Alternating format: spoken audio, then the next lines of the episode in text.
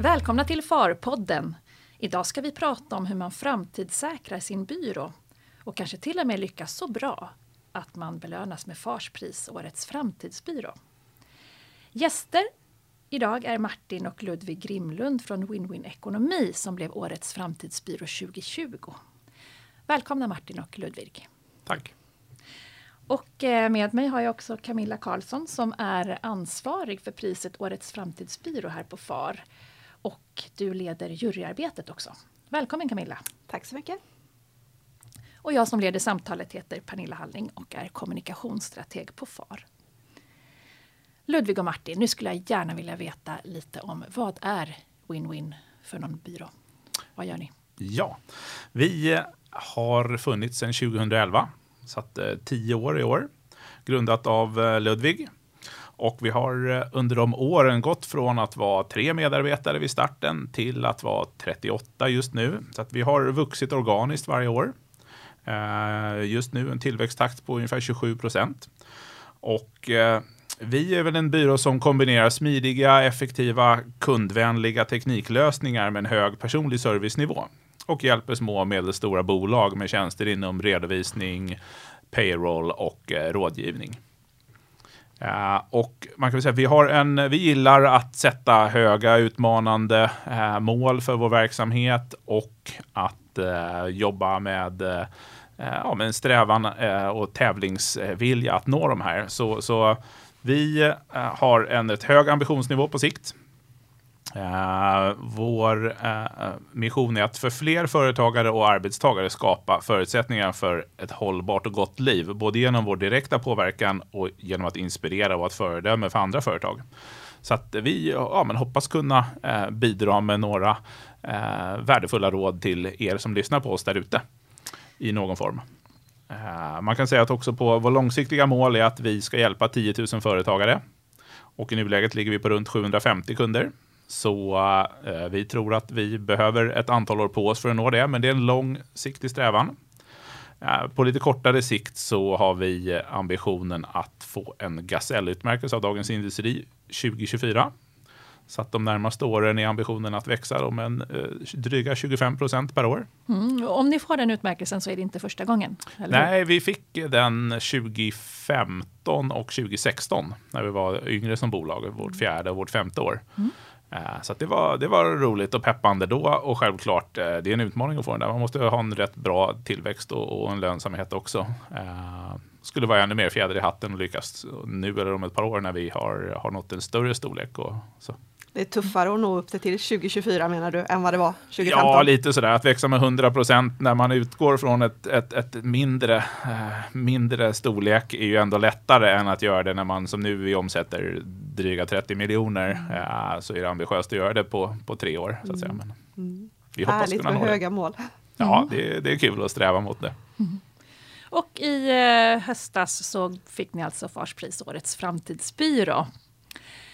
Ja. Um, och vi ser såklart fram emot en hel del handfasta tips på hur gör man för att ta sin byrå till nästa nivå. Och eh, jag släpper frågan lite fritt. Ni har säkert många tips på olika delar i verksamheten. Ja, det finns ju många bitar i det där och det beror ju helt på vad man startar från för utgångspunkt också. Uh, och, ja, vad man är för typ av byrå, hur stor man är och, och vilka förutsättningar man har. Uh, några grundbultar som vi tror på är ju den långsiktiga utvecklingen, att ha den i fokus och, och sätta de långsiktiga målen eh, för att utifrån det bryta ner det på kortare tid och, och identifiera vad man behöver utveckla det närmaste året och, och, och sen ner på närmaste kvartalet. Eh, oavsett om man är, är, är, nära eller känner sig ganska långt ifrån att bli årets framtidsbyrå så så kan man nå väldigt långt på sikt så att säga. Men man måste börja någonstans och då är det bra att titta på det stora, bryt ner det till det lilla och sen börja ta action på det. Mm. Ni har jobbat mycket med ledarskap.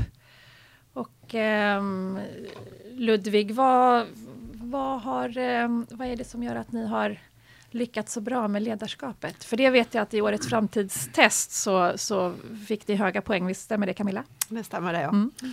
Eh, ja, man kan säga som, som Martin sa så har vi gått från 0 till 38 medarbetare och nu har det gått 10 år och det betyder ju att vi alltid har varit i förändring då kan man säga.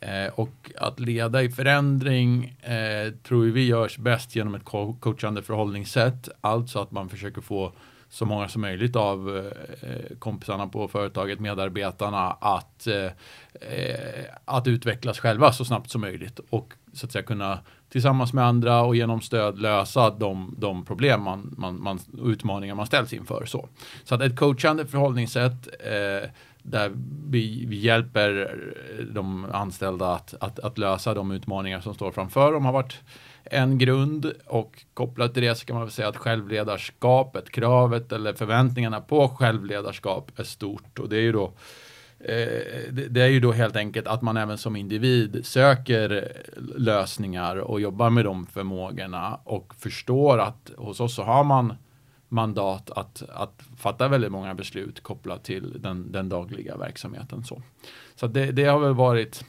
en, en stor del i, i det, så att säga. Att, att få de anställda att utvecklas så, så, så snabbt som möjligt och tillsätta stöd istället för att jobba fram mer och mera in, instruktioner. Liksom så. Du nämnde det att leva i förändringsresan. Hur gör man det med eh, personalen? De är med på det spåret och vill eh, leva er förändringsresa? Ja, det skulle jag säga. Eh, vi hade ett exempel på det, men när vi, var tio personer ungefär så hade vi, började vi känna att vårt första kontor liksom var fyllt. Säg att det fanns 10-15 arbetsplatser eller något sånt där. Och så hade vi känslan av att ja, men nu, nu ska vi anställa en, en chef här som tar hand om det här kontoret. Och då är det kontoret fullt. Så att jag, tänk förvaltning då. Då ska man ta hand om de kunderna och så, och så blir allting bra. Vad kan det här vara 2014 eller något sånt där. Och då såg vi på något sätt så, så gick hela den grejen med förvaltning emot bolagets DNA. Att mm. om du om du stannar och anser att du ska förvalta så, så stelnar projektet. Och, eh, eh, och, och, och, och, det händer liksom, det är ingenting och, och folk blir vilsna. Så att, så att, att det är förändring och att det är utveckling behöver inte betyda att, att, att det finns osäkerhet kopplat till vad som ska hända och så, utan det, det ligger mycket mer i vårt DNA. Och sen kopplat till förändring så har vi försökt anamma Alltså vad är det som skapar trygghet kopplat till förändring? Alltså en stillastående verksamhet, om du tappar en väldigt stor kund eller du har en, en pandemi som, som, som slår till. Om du då har en stillastående verksamhet eller aldrig velat växa så, så, så riskerar du att vara övertalig så att säga och, eh, och, och, behöva minska ner på, på personalen då medan vi som alltid haft en vilja att bli fler och fler då kan vi mycket mer bara parera eh, genom att göra eh, vissa justeringar. Eller om någon måste lämna ifrån sig en arbetsuppgift så blir det, det blir ingen dramatik eller lämna ifrån sig en kund för att vi siktar ju alltid mot nya mm. kunder och nya arbetsuppgifter. Så att vi har försökt hitta tryggheten i att vi vill framåt och, och, och, varför man liksom som, som medarbetare ska, ska, ska känna sig trygg med att jobba på en, en, en verksamhet som blickar framåt. Mm förändringsarbete tänker jag kan ju vara jobbigt. Alla vill inte, ser inte riktigt fördelarna och, och det ena med det andra. Har ni fått med er alla på förändringsresan? Eh, precis, alltså det, det handlar ju om först att, formulera vad man vill åstadkomma eh, på, på väldigt lång sikt som Martin var inne på koka ner det till konkreta 3-5 års mål. Som till exempel vår, vårt det här 10 000 kunder. Det låter ju som en otroligt aggressiv tillväxtresa. Men den, den handlar om att, att, ett mål som, som sträcker sig till 2035, så det är väldigt lång tid fram också.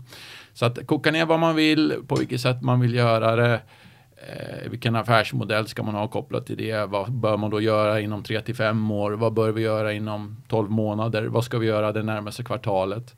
Och, och när du börjar formulera sådana saker så, så blir det ju en tydligare väg framåt, helt klart. Eh, och eh, så kommer det ju också utkristalliseras att det kanske krävs nya förmågor eh, och, och, att det förväntas eh, nya saker av, av, av personal. Sådär.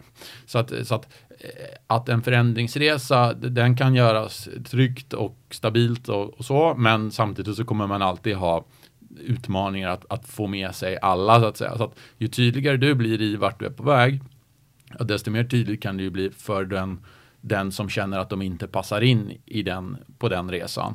att, eh, så att säga, ja, jag väljer att hoppa av den här båten för det här är inte min resa.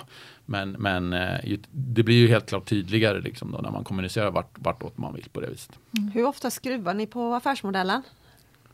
Själva affärsmodellen, inte så ofta. Alltså grunden nu kan man väl säga, vi jobbar ju med, med, med fasta priser till liksom 95 procent.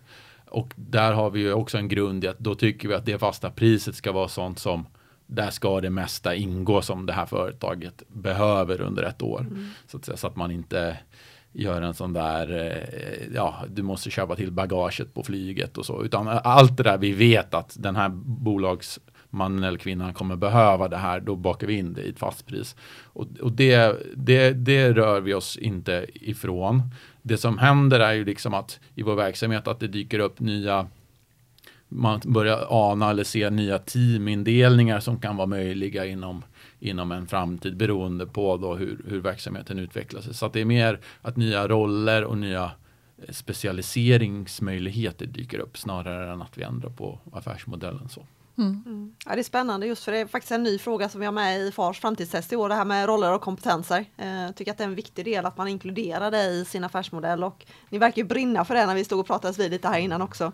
Ja, nej, men vi tycker om att, att tänka både i processer mycket och det förutsätter ju att det finns eh, olika roller eller specialister som har hand om olika delar av en process för att den ska gå att, att dela upp kanske lite mer än vad man har gjort traditionellt sett i vår bransch. Och eh, vi tycker också om liksom HR-sidan av det, att, att utnyttja medarbetares styrkor så att, eh, att alla kan känna att man åstadkommer ännu mer än man gjorde när man kanske höll på med en, en större helhet. Men, men dessutom en del av det var sånt som man inte var så bra på. Mm. Eh, att vi istället kan, kan eh, göra så att man blir dedikerad till färre områden och arbetsuppgifter men som man verkligen blir duktig på. Det blir bra både för medarbetaren och för företaget. Och det tycker vi är väldigt roligt med att att bygga ett allt större företag, att vi kan ta in personer med kanske lite ibland smalare kompetens, men som, som eh, tillför väldigt mycket kompetens vi inte haft tidigare. Så att säga. Mm. Spännande. Och eh, vad är då skillnaden mot tidigare när ni var färre? Då, då jobbade alla med allt, eller? Ja, i, i, i, ganska hög utsträckning var det så att eh, när vi startade så, så var det av redovisningskonsulter. Då gjorde de eh, allt ifrån löpande bokföring till eh, årsjobben med årsredovisning och deklarationer och rådgivning och eh, men även liksom löneadministration för de här små kunderna. Och sen genom åren då så har vi utvecklat det och, och, ett av de första stegen var ju till exempel att anställa vår första lönekonsult 2013 när vi hade funnits i två år. Vi fick in fler och fler kundföretag som eh, ja, men som hade mer än en handfull anställda kan man säga. Och, och några med kollektivavtal. Och vi kände att ja, men här liksom, vi är inte tillräckligt säkra på det här för att göra det här riktigt bra. Vi behöver någon som kan det här på ett bra sätt. Då anställde vi som sagt en lönekonsult. Och sen har det då genom åren vuxit och blivit ett eget affärsområde. Och där vi nu är fyra stycken medarbetare eh, och tagit över alla så att säga löneadministration och, och, och HR-frågor från eh, de redovisningskonsulter som hanterade det initialt. Mm. Eh, och sen andra områden är väl att vi eh, tidigare så, så skötte våra redovisningskonsulter både eh, lokala småägarledda bolag men också eh, medelstora bolag i vissa fall och även bolag som ägdes av utländska moderbolag. Så att en, en redovisningskonsult kunde sitta på en sån blandning och det var eh, såklart utmanande. De allra mest eh, kompetenta klarade ju av det men det skapade nog ja, men kanske lite mer ineffektivitet i vårt företag och sådär. Medan sen när vi hade vuxit så mycket i, i eh, omfattning och i kundstock så att vi såg att ja, men nu har vi faktiskt motsvarande tre heltid heltidstjänster som bara kan jobba med utlandsägda bolag. Eh, då valde vi 2018 att bilda ett sånt team som med redovisningskonsulter som jobbade bara med den typen av uppdrag. Och, och det teamet har också vuxit sedan dess. Eh, så där ser vi att vi kan både eh, vara effektivare, ge kunderna en bättre service, bygga den interna kompetensen mot den kundgruppen ännu bättre. Eh, och, och gengäld så de andra konsulterna som kunde släppa de uppdragen kunde ju få fokusera ännu mer på lokala ägarledda företag. Så det är några av de exempel som vi har liksom kunnat eh, jobba med i takt med att vi har vuxit och sett att här, här uppstår det möjligheter eh, som vi kan göra vår verksamhet bättre på. Mm. Många nämner ju att det är svårt att få tid till att eh, ställa om och tänka på framtiden. Man är så mycket här och nu. Hur har ni gjort för att frigöra tid? Ja, hur gör man för att frigöra tid? Det är väl en planeringsfråga och en proaktivitetsfråga eh, att eh, kunna eh, ja, se över och, och, och, sätta sig ner och planera. Det är väl en av, en av svaren. Liksom. Sen är det klart att tid uppstår ju inte av sig självt, utan du måste ju prioritera bort något eller kunna delegera något. och, och då handlar det både om dels prioriteringsfrågor och det är ju jättesvårt, det tycker jag också. Mm. Liksom. Det är lätt att prioritera upp, men det är svårt att prioritera ner eller bort. Eh, och listan kan ju bli allt längre. Så det, det jobbar vi fortfarande med, liksom, den utmaningen. Att verkligen, nej men det här måste vi lyfta bort om vi ska kunna göra de andra tre, fyra, fem satsningarna. Liksom. Eh, men sen också att, att eh, våga släppa kontrollen och arbetsuppgifter som man själv, kanske som byråledare eller som seniorkonsult har, har ägnat sig åt, att lägga det på någon annan. Att en medarbetare som kanske bara jobbar med intern ekonomi och administration eller en konsult som är mer junior får ta över vissa bitar så att man själv, om man inte är beredd att släppa arbetsuppgifter så kommer man ju inte få mer tid. Man får ju bara mindre tid. Eh, så att det, det är viktigt. Det jobbar vi både själva med och i hela vårt bolag. Liksom. Att det måste vara naturligt att man som person växer och man lämnar ifrån sig saker till andra för att man ska kunna ta på sig nya. Du mm. nämnde det här, våga välja bort. Är det likadant med kunder? Om en kund inte passar in i ert arbetssätt, vågar ni välja bort den kunden också? Ja, det har vi varit eh, ganska bra på i ganska många år skulle jag säga. Att vi Framförallt har det varit, eh, ja, de första åren så handlade det om ja, men okej, kunder som inte lämnar in material i tid eller som har ett bemötande mot konsulten som inte är liksom respektfullt och, och, och sådär, då, då var vi liksom snabba med att nej, men det här fungerar inte, det här samarbetet. Eh, vi måste få ordning på det här, det här. Och kom man inte liksom till rätta med det så, så valde vi att avsluta. Eh, man kan väl säga på senare år är det ju också mycket att eh, det gäller att eh, vi har gjort liksom en omställning i vårt arbetssätt och kräver mycket högre grad av digitalisering och, och användning av den typen av verktyg och kundföretag som vänder sig till oss och inte vill riktigt arbeta på det sättet eh, har vi blivit ja, ganska strukturerade i att, att systematiskt tacka nej till den mm. uppdragen. Så att eh, vi, vi jobbar med den typen av uppdrag som passar våra processer och, och så som vi vill jobba för framtiden. Mm. Så man får kanske vara beredd på att man tappar lite kunder eller de försvinner och kanske även medarbetare ja, på resan. Ja, så är det ju faktiskt. Liksom. Och, och jag tror att gör man inte det Eh, så, så kommer man inte vara tillräckligt tydlig och inte ha sin spets och, och, kanske därmed inte kunna behålla dem som man egentligen skulle ha velat ha, som, som man tycker skulle ha utvecklat bolaget mest. Om man inte vågar vara tydlig och säga att äh, men vi ska jobba på det här sättet och vi vill eh, jobba med förändring, tillväxt, framtid. Eh, och om man låter det vara lite otydligare, lite utsmetat och, och, och, man, och det är helt okej okay att den tredje organisationen sitter och tycker att nej, nej, vi behöver inte förändras alls. Då kommer ju de mest förändringsvilliga lämna bolaget, starta eget eller göra någonting annat i en spännande organisation någon annanstans. Så att det, det, det är ändå bättre tror vi att eh, vara tydliga med vad ni vill och se till att tilltala de som vill med på den resan. Sen är det några som inte den resan passar för, så, så liksom, eh, ta det respektfullt men öppet att eh, de kommer ju själva också då vilja söka sig vidare. Men hur attraherar ni era medarbetare och gör dem till stjärnor? Ja, eh, vi, vi tror ju att den personliga utvecklingen, framförallt för de, ja, men den typen av personer som vi söker, som, som ska vara förändringsbenägna, de vill utvecklas. Eh, och vi tycker att det är bra att ta emot praktikanter från YH-utbildningar, så det gör vi ofta. Vi har en rätt gedigen urvalsprocess där, så att vi jobbar ihop med en rekryteringskonsult som hjälper oss att göra olika typer av tester för de här eh, kandidaterna, så att vi väljer dem som som vi tror passar allra bäst och eh, att vi ger dem bra förutsättningar under praktiken. Eh, man får ja, men, eh, allt ifrån det praktiska, liksom arbetsplats och handledare till en gedigen inblick i vårt företag. Eh, man får träffa de olika teamen och får en bredare bild av det och, och även av vår historik och vision och, och, framtid och arbete inom marknad etc. etc. Men sen att sen när man är anställd också att man har en, en tydlig utvecklingskurva och kan, eh, kan få utvecklas mycket och stimuleras och samtidigt få stöd av eh, seniora konsulter så att våra seniora har tid att ge stöd till de juniora. Eh, om man känner att man fortfarande är, har det så att säga. Inte kastas ut på djupt vatten utan att kunna simma. Mm.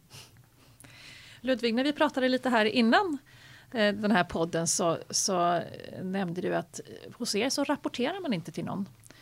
Eh, vad, vad, varför gör man inte det? Nej, precis. Alltså, eh, vi tror ju inte så mycket på det här med Eh, hierarkier och positioner som kommer eh, rättigheter som tillkommer i samband med att du får en titel utan när någon säger så här, vem, vem rapporterar jag till? Så, så brukar vi säga att vi får, eh, det, det suger till i maggropen och det känns konstigt för att just kopplat till självledarskapet och, och det coachande ledarskapet och den tydliga långsiktiga målsättningen så vill vi känna att vi är på väg mot ett gemensamt mål. Vi gör en himla massa bra saker tillsammans och tillsammans så utgör de liksom enskilda insatserna ja, små steg till någonting mycket större. Och då om vi har en massa hierarkiska vad säger man, eh, vägar dit information ska avrapporteras så ser vi det snarare som att det, det, är någonting som, som hämmar oss så. Sen innebär inte det att, att vi inte har strukturer men att de möten vi har ska liksom syfta till att eh, informera andra vad du gör, eh, be om hjälp, eh, se om, om det är någonting du behöver från någon annan i organisationen, vem kan hjälpa mig med det? Vad siktar du mot att göra idag? Hur ser dina prioriteringar ut? Och så vidare. Och så vidare. Men inte möten som syftar till att liksom informera andra för att de ska bara kontrollera att du har gjort ditt jobb. Så, så det, det är det vi, vi, vi undviker. Mm. Camilla, i eh, framtidstestet eh, så hade ju hållbarhetsfrågorna ett ökat fokus förra året och det har de ju fortsatt nu då. Mm. Eh, och det var väl ett skäl till att eh, det var just Win-Win som blev Årets framtidsbyrå 2020. Att det var höga poäng ja, hållbarhet. De hade ju satt en liten etikett på sitt hållbarhetsarbete. Eh, så det är jättespännande. Eh, så du, någon kanske ska berätta lite, hur ja. har ni gjort? Eh, ja, men vi, vi eh, man kan säga att vi tidigare jobbade mm, ja, med delar av, av hållbarhetsområdet tyckte vi. Och 2018 så, ehm, så hade vi liksom ja, men mer och mer kände vi i hjärtat att ja, men vi behöver ta ett helhetsgrepp om det här. Och i takt med att vi växer så får vi ändå större och större påverkan också. Och kan ju faktiskt då, då göra göra mer eh, och det, fattar, det, det, har fler konsekvenser, våra beslut. Så då, då valde vi att eh, utgå från de här FNs eh, globala mål och eh, se vilka av dem tycker vi att vi har så att säga, en störst påverkan på och kan vi bidra med i någon form och identifierade fem stycken, varav de första tre kan vara god hälsa och välbefinnande, jämställdhet, anständiga arbetsvillkor och ekonomisk tillväxt. Att det var sådana som vi hade sett som ganska naturliga i vad, dels vad syftar vi till som organisation, hur är vi som arbetsgivare, Eh, och eh, hur, hur, ställer vi upp för lokalsamhället? Eh, men, men sen hade vi också nummer 12 och 13 där, hållbar konsumtion och produktion och bekämpa klimatförändringarna. Där vi tyckte att okay, vi har gjort en del inom miljöområdet, men vi har inte tagit något eh, systematiskt grepp om det. Och det valde vi att göra då 2018 eh, och bildade en arbetsgrupp med engagerade medarbetare och Ludvig som vd som, som tog tag och strukturerade upp det arbetet. Eh, vill du lägga till lite om, om hur ni gjorde i praktiken? Ja, men precis. Vi, eh, det finns ju alltid en risk att hållbarhetsarbete blir någonting väldigt, eller låter som någonting väldigt stort och någonting väldigt svårt att ta tag i. Men vi valde att, att plocka ner det på en, en konkret nivå eh, genom att använda oss av egentligen checklistor i tre steg från Naturskyddsföreningen som har sån här för att utgöra ett stöd till småföretagare så att man verkligen kommer igång med sitt hållbarhetsarbete. Eh, så att i den änden började vi med otroligt konkreta saker som att har vi lågenergilampor på samtliga kontor, har vi skriver vi ut våra sidor på fram och baksida. Eh, vi kollar med vår leverantör av servertjänster om servrarna drivs på miljövänlig el. Liksom det, varje enskild sak är ju inte alls svår att göra. Eller hur, hur, eh, hur sker våra bud liksom, med vilken typ av transportmedel. Men, så det är egentligen inga svåra saker, men det är en himla massa saker som, som man kan titta, eh, kolla upp för att åstadkomma en skillnad. Så att, att följa den checklistan var ett stort stöd för oss. Så till en början så handlar det om de konkreta sakerna för att sen mynna ut mer i, i policies kring hur jobbar vi med representation och gåvor ur ett hållbarhetsperspektiv? Köper vi snittblommor eller inte snittblommor. eh, så. Och, och, och, hur förhåller vi oss när vi ska åka på, på en, eh, den årliga konferensen? Hur gör vi när vi reser i jobbet?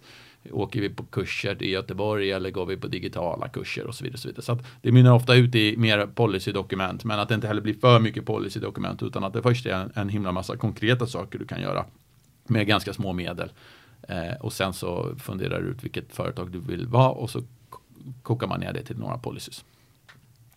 Ja, det, det, låter som att det har gått väldigt bra för er eh, hittills och även efter ni fick priset Årets framtidsbyrå har ni ju fortsatt att utvecklas. Och eh, då undrar jag, några misstag på vägen? Kan ni dela med er av några, några tips vad man ska undvika? Absolut. Jag kan väl säga eh, en sak bara. Vi pratar ju oss ofta varma för team och teamindelning och specialisering och så.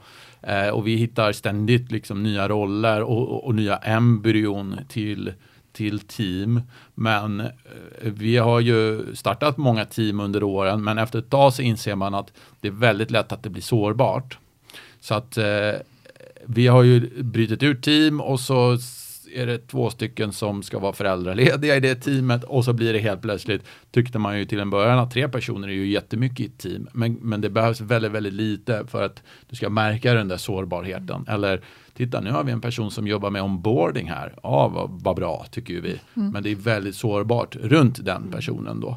Så att, så att, så att ta verkligen liksom, innan man går ner i team så, ja, till exempel, nu ska vi ta en lönekonsult om man hör en byrå som ska anställa en lönekonsult. Okej, tänk direkt efter. När kommer vi anställa lönekonsult 2, 3 och 4? Mm. När kommer vi ha ombordare 2, 3 och 4? Så att man eh, alla växer inte i, i den takten och inte vi heller alla gånger. Men att man man bör försöka ha det perspektivet åtminstone. Kan man inte anställa en till, så vem skulle hoppa in om, om den personen blev sjuk då? Då kanske det är en red, redovisningskonsult så, eller, en, eller en lönekonsult. Men att det sårbarhetsperspektivet är nog viktigt att ha med sig när man teamindelar. För förut var ju alla mer av generalister på, på många byråer och då kan man hjälpa till med lite, lite av varje. Så. Ja, jag tänkte lägga till att eh, vi har ju varit på en förändringsresa i många år och Eh, har haft tillväxt hela tiden, velat utveckla oss och företaget och göra nya saker. Och vissa av åren så, så har vi helt klart haft en otydlig prioritering eller eh, ja, jobbat med saker som vi inte borde ha prioriterat just då. Så att, att, att göra saker i rätt ordning eh, under den här förändringsresan. Det tror jag är, är, är viktigt för att orka med hela förändringen. Annars börjar man göra saker som, som man i efterhand inser att det där hade vi kunnat vänta med i två år. Det gav inte så mycket i det här läget. Det tar ju energi och det gör att du har prioriterat bort någonting annat. Så att, att försök sätta den långsiktiga planen och ambitionen och sen bryta ner den och få hjälp, gärna utifrån, liksom med att är det här, har jag sett logiskt på det här? Är det här en rimlig ordning att göra det här i? Eller saknas det något steg? Eller ska jag hoppa över något av det här som jag ser framför mig i en femårsplan? Liksom? Mm. Du menar jag... det är lite lätt att springa för fort där många gånger? Ja, men det är det. Liksom, att det dyker upp någon form av möjlighet eller en kontakt man träffar som mm. känns stimulerande. Tänker att den här personen, om vi kör en utbildning med henne i vår verksamhet så kommer det kunna ge en hel del. Men om du inte har mappat in det i den här femårsplanen Eh, så, så, så, kanske du gör det ganska snabbt då. Och, och då, ja, i själva verket så, så matchade inte det. Det var ingen mening att konsulterna fick den utbildningen 2020. Vi hade behövt göra tre saker innan och hållit den där 2022. Mm. Då hade det säkert gett oss jättemycket. Mm. Det har vi ju liksom genomfört vissa gånger, så att det, det, innebär ju aldrig några katastrofer, men man har ju lagt tid och pengar och, och lite tankemöda på det, eh, som man hade kunnat lagt på någonting annat. Mm. Till andra som ska komma igång då, vad, vad vad, kan ni beskriva era drivkrafter? Vad får er att hela tiden vilja göra mer och fortsätta? För det kan inte vara varje dag som är som en solskensdag. Idag skiner ju solen. äh, men det, det senaste året när vi har jobbat mm. mer hemifrån har ju varit lite tråkigare på det sättet än, än vad det har varit innan. Liksom. För vi har en väldigt härlig gemenskap på våra kontor och ja, men jag drivs av att jobba ihop med människor som, eh, som liksom är lagda åt samma håll. Att man vill uträtta stordåd tillsammans och eh, man eh, ja, men har en, en, härliga dagar på kontoret tillsammans då i regel och man gör saker Eh, både när man sitter för sig själv men också på teamnivå för att nå liksom stora resultat tillsammans. Det tycker jag är väldigt stimulerande och roligt och vi har ju fått liksom kvitton på vägen så att det är klart att det, det gör ju att man lätt får energi till att fortsätta och våga drömma stort. Att man inte bara får tunga motgångar utan mycket så här vind i seglen och en fin utmärkelse som från FAR här liksom i höstas och eh, liknande. Att det gör att ah, men det här är ju kul, det här vill man ju fortsätta. Alltså när jag hoppade in i WinWin för nio år sedan, då hade jag nog inte föreställt mig att jag skulle vara kvar kanske nio år senare. I alla fall inte vågat se det perspektivet. När jag tidigare hade haft jobb där jag var i tre, fyra år liksom. Och när man är i 30-årsåldern så så, så, är det ändå vanligt att byta jobb lite då. Jag tänkte liksom att ja, men det här verkar kul, det kan jag göra och vara med i. Men, men nu liksom nio år senare, oj, vart har tiden tagit vägen? Det känns ju inte orimligt att fortsätta här rätt länge till för att vi har ju så mycket mer att uträtta. Liksom. Vi ser att vi har gjort bra saker, men vi ser också så här, vad skulle vi kunna göra bättre? Vad kan vi, ja, vad kan vi åstadkomma mer än idag? Det och ni har ju känns... tydliga mål framför er. Ja, ja. ja. Vilket år var det ni skulle ha 10 000 2035. 2035. Mm. Ja. Men jag vi, hoppas vi, vi återkommer. Vi återkommer. Då får det bli en ny podd. Um, Camilla, jag måste ställa några frågor till dig om, om uh, årets framtidsbyrå här, för vi vill ju såklart att så många som möjligt går in och gör framtidstestet. Um, vad är det för typ av frågor? Ja, det är en blandning på frågor självklart. Eh, det som är viktigt är ju självklart affärsmodell som vi har varit inne på här. Vi har pratat om hållbarhet, berör ju också ett antal frågor. Yrkesroller och kompetenser är ju lite nya frågeställningar som vi har. Men mm. det finns ju färdiga svarsalternativ på alla så gå in och testa och gör och se om eh, hur, hur framtidssäkrad eran byrå är helt enkelt. Mm. Är det någon fråga som är viktigare än den andra? Nej, det är ju summan utav det egentligen ska vi säga. Men som sagt var extra fokus på hållbarhet är det även i år. Men kan man säga att man måste ha ett visst antal poäng på hållbarhet för att vara ja, aktuell? Ja, man måste ha ett visst hållbarhetsfokus. Det stämmer. Ja.